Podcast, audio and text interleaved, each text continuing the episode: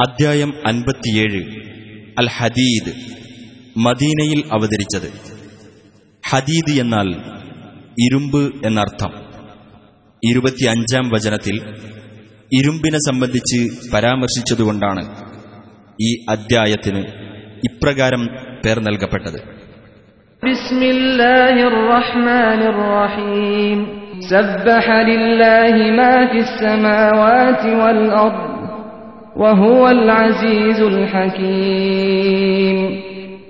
ആകാശങ്ങളിലും ഭൂമിയിലുമുള്ളതെല്ലാം അള്ളാഹുവിന് പ്രകീർത്തനം ചെയ്തിരിക്കുന്നു അവൻ പ്രതാപിയും യുക്തിമാനുമത്രേ له ملك السماوات والأرض يحيي ويميت وهو على كل شيء قدير അവനാകുന്നു ആകാശങ്ങളുടെയും ഭൂമിയുടെയും ആധിപത്യം. അവൻ ജീവിപ്പിക്കുകയും മരിപ്പിക്കുകയും ചെയ്യുന്നു. അവൻ സർവകാര്യത്തിനും കഴിവുള്ളവനുമാണ്.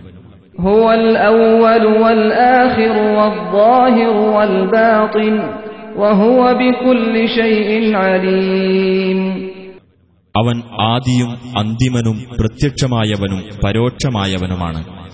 അവൻ സർവകാര്യങ്ങളെക്കുറിച്ചും അറിവുള്ളവനുമാണ് هو الذي خلق السماوات والأرض في ستة أيام ثم استوى على العرش يعلم ما يلج في الأرض وما يخرج منها وما ينزل من السماء وما يعرج فيها وهو معكم أينما كنتم والله بما تعملون بصير ആകാശങ്ങളും ഭൂമിയും ആറു ദിവസങ്ങളിലായി സൃഷ്ടിച്ചവനാണവൻ പിന്നീട് അവൻ സിംഹാസനസ്ഥനായി ഭൂമിയിൽ പ്രവേശിക്കുന്നതും അതിൽ നിന്ന് പുറത്തുവരുന്നതും ആകാശത്തുനിന്ന് ഇറങ്ങുന്നതും അതിലേക്ക് കയറി ചെല്ലുന്നതും അവൻ അറിഞ്ഞുകൊണ്ടിരിക്കുന്നു നിങ്ങൾ എവിടെയായിരുന്നാലും അവൻ നിങ്ങളുടെ കൂടെയുണ്ട് താനും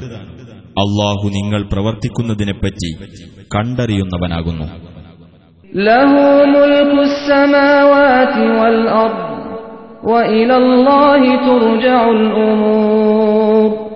അവനാണ് ആകാശങ്ങളുടെയും ഭൂമിയുടെയും ആധിപത്യം. അള്ളാഹുവിങ്കിലേക്ക് തന്നെ കാര്യങ്ങൾ മടക്കപ്പെടുകയും ചെയ്യുന്നു. يولج الليل في النهار ويولج النهار في الليل وهو عليم بذات الصدور അവൻ രാത്രിയെ പകലിൽ പ്രവേശിപ്പിക്കുന്നു അവൻ പകലിനെ രാത്രിയിൽ പ്രവേശിപ്പിക്കുകയും ചെയ്യുന്നു അവൻ ഹൃദയങ്ങളിലുള്ളവയെപ്പറ്റി അറിയുന്നവനുമാകുന്നു آمنوا بالله ورسوله وأنفقوا مما جعلكم مستخلفين فيه فالذين آمنوا منكم وأنفقوا لهم أجر كبير നിങ്ങൾ അള്ളാഹുവിലും അവന്റെ ദൂതനിലും വിശ്വസിക്കുകയും അവൻ നിങ്ങളെ ഏതൊരു സ്വത്തിൽ പിന്തുടർച്ച നൽകപ്പെട്ടവരാക്കിയിരിക്കുന്നുവോ അതിൽ നിന്ന് ചെലവഴിക്കുകയും ചെയ്യുക അങ്ങനെ നിങ്ങളുടെ കൂട്ടത്തിൽ നിന്ന് വിശ്വസിക്കുകയും ചെലവഴിക്കുകയും ചെയ്തവരാരോ അവർക്ക് വലിയ പ്രതിഫലമുണ്ടായിരിക്കുന്നതാണ് وما لكم لا تؤمنون بالله والرسول يدعوكم لتؤمنوا بربكم والرسول يدعوكم لتؤمنوا بربكم وقد أخذ ميثاقكم إن كنتم مؤمنين അള്ളാഹുവിൽ വിശ്വസിക്കാതിരിക്കാൻ നിങ്ങൾക്കെന്താണ് ന്യായം ഈ ദൂതനാകട്ടെ നിങ്ങളുടെ രക്ഷിതാവിൽ വിശ്വസിക്കാൻ വേണ്ടി നിങ്ങളെ ക്ഷണിച്ചുകൊണ്ടിരിക്കുകയുമാണ് അള്ളാഹു നിങ്ങളുടെ ഉറപ്പ് വാങ്ങിയിട്ടുമുണ്ട് നിങ്ങൾ വിശ്വസിക്കുന്നവരാണെങ്കിൽ هو الذي ينزل على عبده آيات بينات ليخرجكم من الظلمات إلى النور وإن الله بكم لرؤوف رحيم നിങ്ങളെ ഇരുളുകളിൽ നിന്ന് പ്രകാശത്തിലേക്ക് കൊണ്ടുവരാൻ വേണ്ടി തന്റെ ദാസന്റെ മേൽ വ്യക്തമായ ദൃഷ്ടാന്തങ്ങൾ ഇറക്കിക്കൊടുക്കുന്നവനാണ് അവൻ തീർച്ചയായും അള്ളാഹു നിങ്ങളോട് വളരെയധികം ദയാലുവും കാരുണ്യവാനും തന്നെയാണ് وما لكم ألا تنفقوا في سبيل الله ولله ميراث السماوات والأرض لا يستوي منكم من أنفق من قبل الفتح وقاتل. أولئك أعظم درجة من الذين أنفقوا من بعد وقاتلوا. وكلا وعد الله الحسنى. والله بما تعملون خبير. ആകാശങ്ങളുടെയും ഭൂമിയുടെയും അനന്തരാവകാശം അള്ളാഹുവിനുള്ളതായിരിക്കെ. അള്ളാഹുവിന്റെ മാർഗത്തിൽ ചെലവഴിക്കാതിരിക്കാൻ നിങ്ങൾക്കെന്താണ് ന്യായം? നിങ്ങളുടെ കൂട്ടത്തിൽ നിന്ന് മക്ക വിജയത്തിനു മുമ്പുള്ള കാലത്ത് ചെലവഴിക്കുകയും യുദ്ധത്തിൽ പങ്കെടുക്കുകയും ചെയ്തവരും അല്ലാത്തവരും സമമാവുകയില്ല. അക്കൂട്ടർ പിന്നീട് ചെലവഴിക്കുകയും യുദ്ധത്തിൽ പങ്കുവഹിക്കുകയും ചെയ്തവരെക്കാൾ മഹത്തായ പദവിയുള്ളവരാകുന്നു എല്ലാവർക്കും ഏറ്റവും നല്ല പ്രതിഫലം അള്ളാഹു വാഗ്ദാനം ചെയ്തിരിക്കുന്നു നിങ്ങൾ പ്രവർത്തിക്കുന്നതിനെപ്പറ്റി സൂക്ഷ്മജ്ഞാനമുള്ളവനാണ് അള്ളാഹു من ذا الذي يقرض الله قرضا حسنا فيضاعفه له وله أجر كريم ആരുണ്ട് അള്ളാഹുവിന് ഒരു നല്ല കടം കൊടുക്കുവാൻ എങ്കിൽ അവനത് അയാൾക്കു വേണ്ടി ഇരട്ടിപ്പിക്കുന്നതാണ് അയാൾക്കാണ് മാന്യമായ പ്രതിഫലമുള്ളത് يوم ترى المؤمنين والمؤمنات يسعى نورهم بين أيديهم وبأيمانهم بشراكم اليوم جنات تجري من تحتها الأنهار خالدين فيها ذلك هو الفوز العظيم സത്യവിശ്വാസികളെയും സത്യവിശ്വാസിനികളെയും അവരുടെ പ്രകാശം അവരുടെ മുൻഭാഗങ്ങളിലൂടെയും വലതുഭാഗങ്ങളിലൂടെയും സഞ്ചരിക്കുന്ന നിലയിൽ നീ കാണുന്ന ദിവസം അന്നവരോട് പറയപ്പെടും ഇന്നു നിങ്ങൾക്കുള്ള സന്തോഷവാർത്ത ചില സ്വർഗത്തോപ്പുകളെപ്പറ്റിയാകുന്നു അവയുടെ താഴ്ഭാഗത്തുകൂടി അരുവികൾ ഒഴുകിക്കൊണ്ടിരിക്കും നിങ്ങൾ അതിൽ നിത്യവാസികളായിരിക്കും അത് മഹത്തായ ഭാഗ്യം തന്നെയാണ് يوم يقول المنافقون والمنافقات للذين آمنوا انظرونا انظرونا نقتبس من نوركم قيل ارجعوا وراءكم فالتمسوا نورا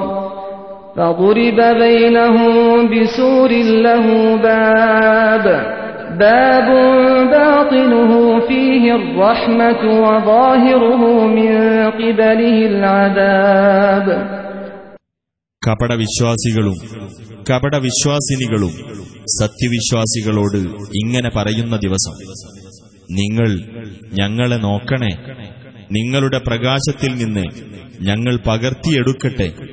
അപ്പോൾ അവരോട് പറയപ്പെടും നിങ്ങൾ നിങ്ങളുടെ പിൻഭാഗത്തേക്കു തന്നെ മടങ്ങിപ്പോകുക എന്നിട്ട് പ്രകാശം അന്വേഷിച്ചുകൊള്ളുക. അപ്പോൾ അവർക്കിടയിൽ ഒരു മതിൽ കൊണ്ട് മറയുണ്ടാക്കപ്പെടുന്നതാണ്.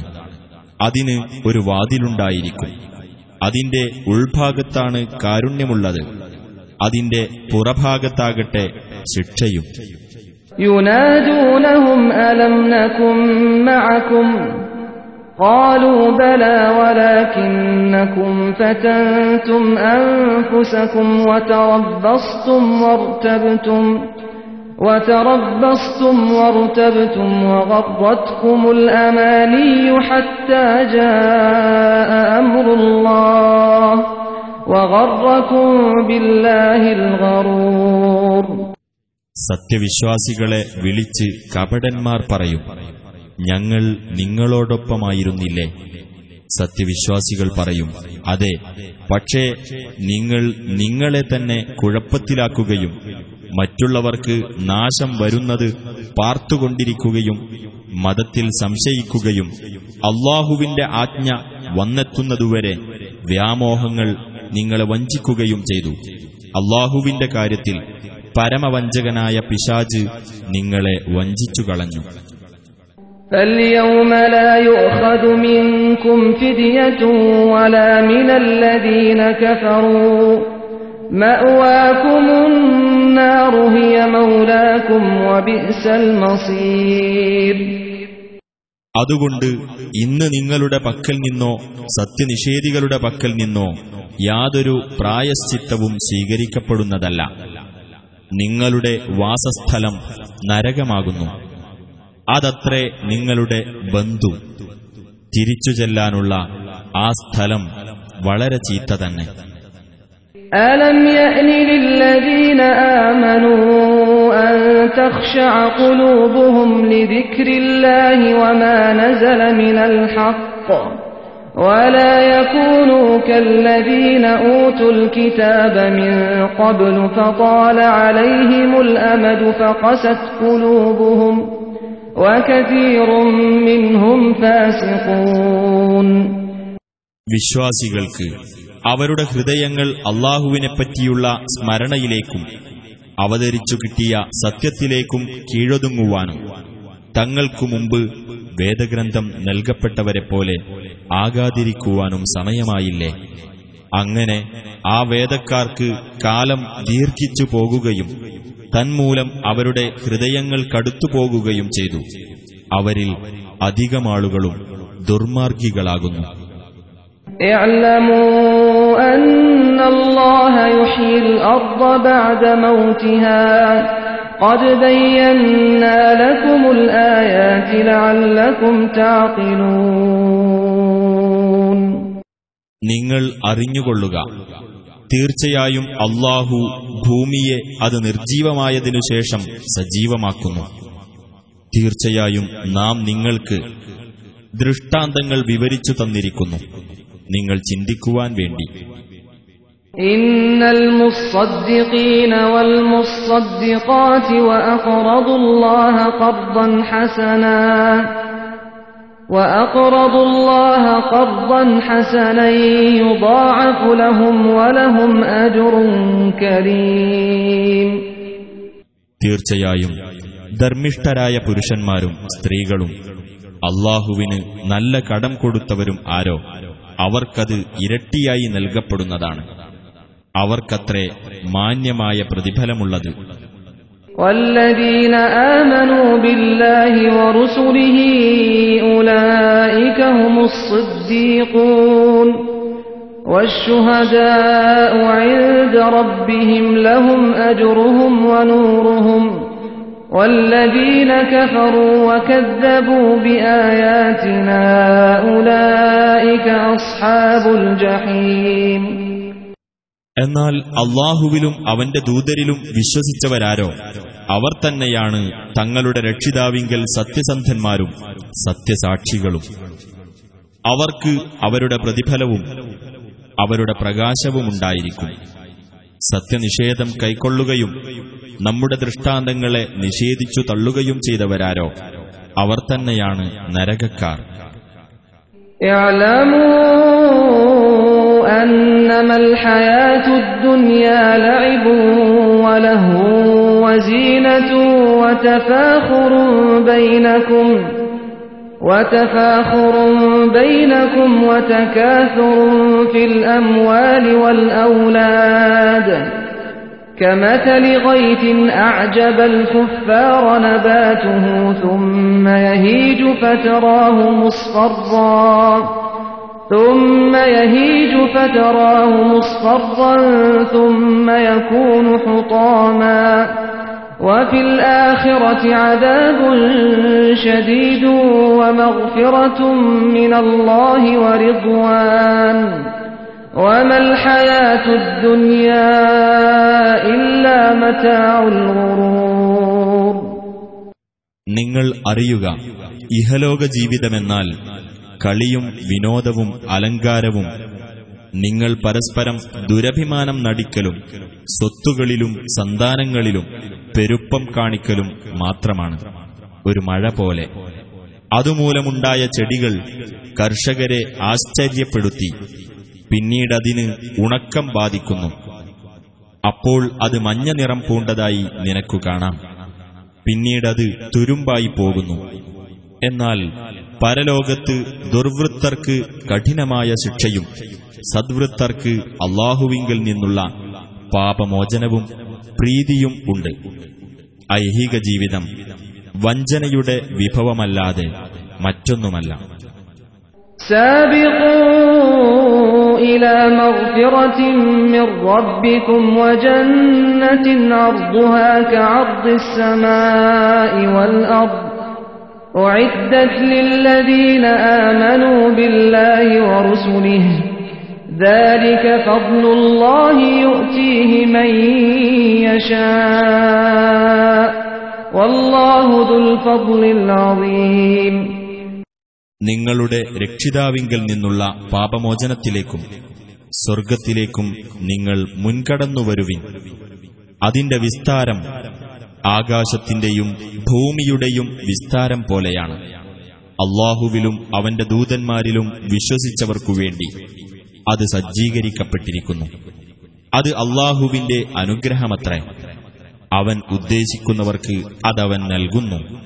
അള്ളാഹു മഹത്തായ അനുഗ്രഹമുള്ളവനാകുന്നു.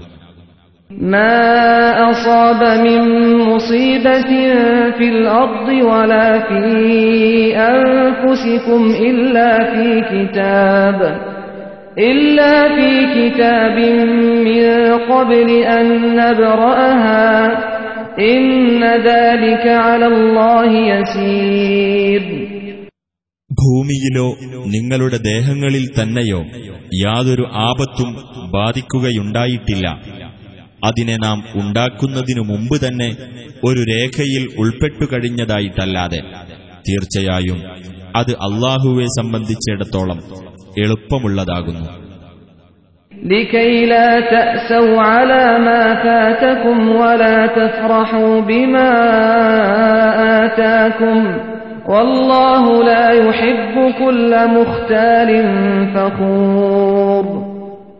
ഇങ്ങനെ നാം ചെയ്തത് നിങ്ങൾക്കു നഷ്ടപ്പെട്ടതിന്റെ പേരിൽ നിങ്ങൾ ദുഃഖിക്കാതിരിക്കുവാനും നിങ്ങൾക്ക് അവൻ നൽകിയതിന്റെ പേരിൽ നിങ്ങൾ ആഹ്ലാദിക്കാതിരിക്കുവാനും വേണ്ടിയാണ് അള്ളാഹു യാതൊരു അഹങ്കാരിയെയും ദുരഭിമാനിയെയും ഇഷ്ടപ്പെടുകയില്ല الذين يبخلون ويأمرون الناس بالبخل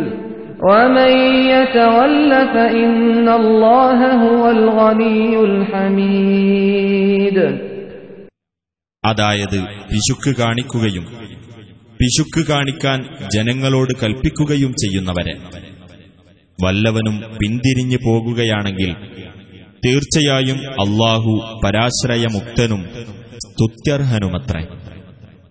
لقد أرسلنا رسلنا بالبينات وأنزلنا معهم الكتاب والميزان ليقوم الناس بالقسط وأنزلنا الحديد فيه بأس شديد فيه بأس شديد ومنافع للناس وليعلم الله من ينصره ورسله بالغيب إن الله قوي عزيز തീർച്ചയായും നാം നമ്മുടെ ദൂതന്മാരെ വ്യക്തമായ ദൃഷ്ടാന്തങ്ങളും കൊണ്ട് അയക്കുകയുണ്ടായി ജനങ്ങൾ നീതിപൂർവം നിലകൊള്ളുവാൻ വേണ്ടി അവരോടൊപ്പം വേദഗ്രന്ഥവും തുലാസും ഇറക്കിക്കൊടുക്കുകയും ചെയ്തു ഇരുമ്പും നാം ഇറക്കിക്കൊടുത്തു.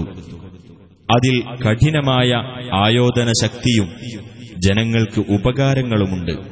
അള്ളാഹുവിനെയും അവന്റെ ദൂതന്മാരെയും അദൃശ്യമായ നിലയിൽ സഹായിക്കുന്നവരെ അവന് അറിയാൻ വേണ്ടിയുമാണ് ഇതെല്ലാം. തീർച്ചയായും അള്ളാഹു ശക്തനും പ്രതാപിയുമാകുന്നു. ولقد أرسلنا نوحا وإبراهيم وجعلنا في ذريتهما النبوة والكتاب فمنهم مهتد وكثير منهم فاسقون തീർച്ചയായും നാം നോഹിനെയും ഇബ്രാഹീമിനെയും ദൂതന്മാരായി നിയോഗിച്ചു അവർ ഇരുവരുടെയും സന്തതികളിൽ പ്രവാചകത്വവും വേദഗ്രന്ഥവും നാം ഏർപ്പെടുത്തുകയും ചെയ്തു അങ്ങനെ അവരുടെ കൂട്ടത്തിൽ സന്മാർഗം പ്രാപിച്ചവരുണ്ട് അവരിൽ അധിക പേരും ദുർമാർഗികളാകുന്നു ثم قفينا على آثارهم برسلنا وقفينا بعيسى ابن مريم وآتيناه الإنجيل وجعلنا في قلوب الذين اتبعوه رأفة ورحمة ورهبانية ابتدعوها ما كتبناها عليهم إلا ابتغاء رضوان الله فما رعوها حق رعايتها فآتينا الذين آمنوا منهم أجرهم فآتينا الذين آمنوا منهم أجرهم وكثير منهم فاسقون പിന്നീട് അവരുടെ പിന്നിലായി നാം നമ്മുടെ ദൂതന്മാരെ തുടർന്നയച്ചു മറിയമിന്റെ മകൻ ഈസായെയും നാം തുടർന്നയച്ചു അദ്ദേഹത്തിന് നാം ഇഞ്ചിയിൽ നൽകുകയും ചെയ്തു അദ്ദേഹത്തെ പിൻപറ്റിയവരുടെ ഹൃദയങ്ങളിൽ നാം കൃപയും കരുണയും ഉണ്ടാക്കി. സന്യാസ ജീവിതത്തെ അവർ സ്വയം പുതുതായി നിർമ്മിച്ചു. അള്ളാഹുവിന്റെ പ്രീതി തേടേണ്ടതിനു വേണ്ടി അവരത് ചെയ്തു എന്നല്ലാതെ നാം അവർക്കത് നിയമമാക്കിയിട്ടുണ്ടായിരുന്നില്ല. എന്നിട്ട് അവരത് പാലിക്കേണ്ട മുറപ്രകാരം പാലിച്ചതുമില്ല. അപ്പോൾ അവരുടെ കൂട്ടത്തിൽ നിന്ന് വിശ്വസിച്ചവർക്ക് അവരുടെ പ്രതിഫലം നാം നൽകി അവരിൽ അധിക പേരും ദുർമാർഗികളാകുന്നു يا أيها الذين آمنوا اتقوا الله وآمنوا برسوله يؤتكم كفلين من رحمته ويجعل لكم نورا تمشون به ويغفر لكم والله غفور رحيم സത്യവിശ്വാസികളെ നിങ്ങൾ അള്ളാഹുവെ സൂക്ഷിക്കുകയും അവന്റെ ദൂതനിൽ വിശ്വസിക്കുകയും ചെയ്യുക. എന്നാൽ അവന്റെ കാരുണ്യത്തിൽ നിന്ന് രണ്ട് ഓഹരി അവൻ നിങ്ങൾക്ക് നൽകുന്നതാണ്. ഒരു പ്രകാശം അവൻ നിങ്ങൾക്ക് ഏർപ്പെടുത്തിത്തരികയും ചെയ്യും. അതുകൊണ്ട് നിങ്ങൾക്ക് ശരിയായ പാതയിലൂടെ നടന്നുപോകാം. നിങ്ങൾക്കവൻ പൊറത്തു തരികയും ചെയ്യും. അള്ളാഹു വളരെയധികം പൊറുക്കുന്നവനും കരുണാനിധിയുമാണ്. لئلا يعلم أهل الكتاب ألا يقدرون على شيء من فضل الله وأن الفضل بيد الله يؤتيه من يشاء والله ذو الفضل العظيم അള്ളാഹുവിന്റെ അനുഗ്രഹത്തിൽ നിന്ന് യാതൊന്നും അധീനപ്പെടുത്തുവാൻ തങ്ങൾക്ക് കഴിവില്ലെന്നും തീർച്ചയായും അനുഗ്രഹം അള്ളാഹുവിന്റെ കയ്യിലാണെന്നും അത് അവൻ ഉദ്ദേശിക്കുന്നവർക്ക് അവൻ നൽകുമെന്നും വേദക്കാർ അറിയാൻ വേണ്ടിയാണിത്. അള്ളാഹു മഹത്തായ അനുഗ്രഹമുള്ളവനാകുന്നു.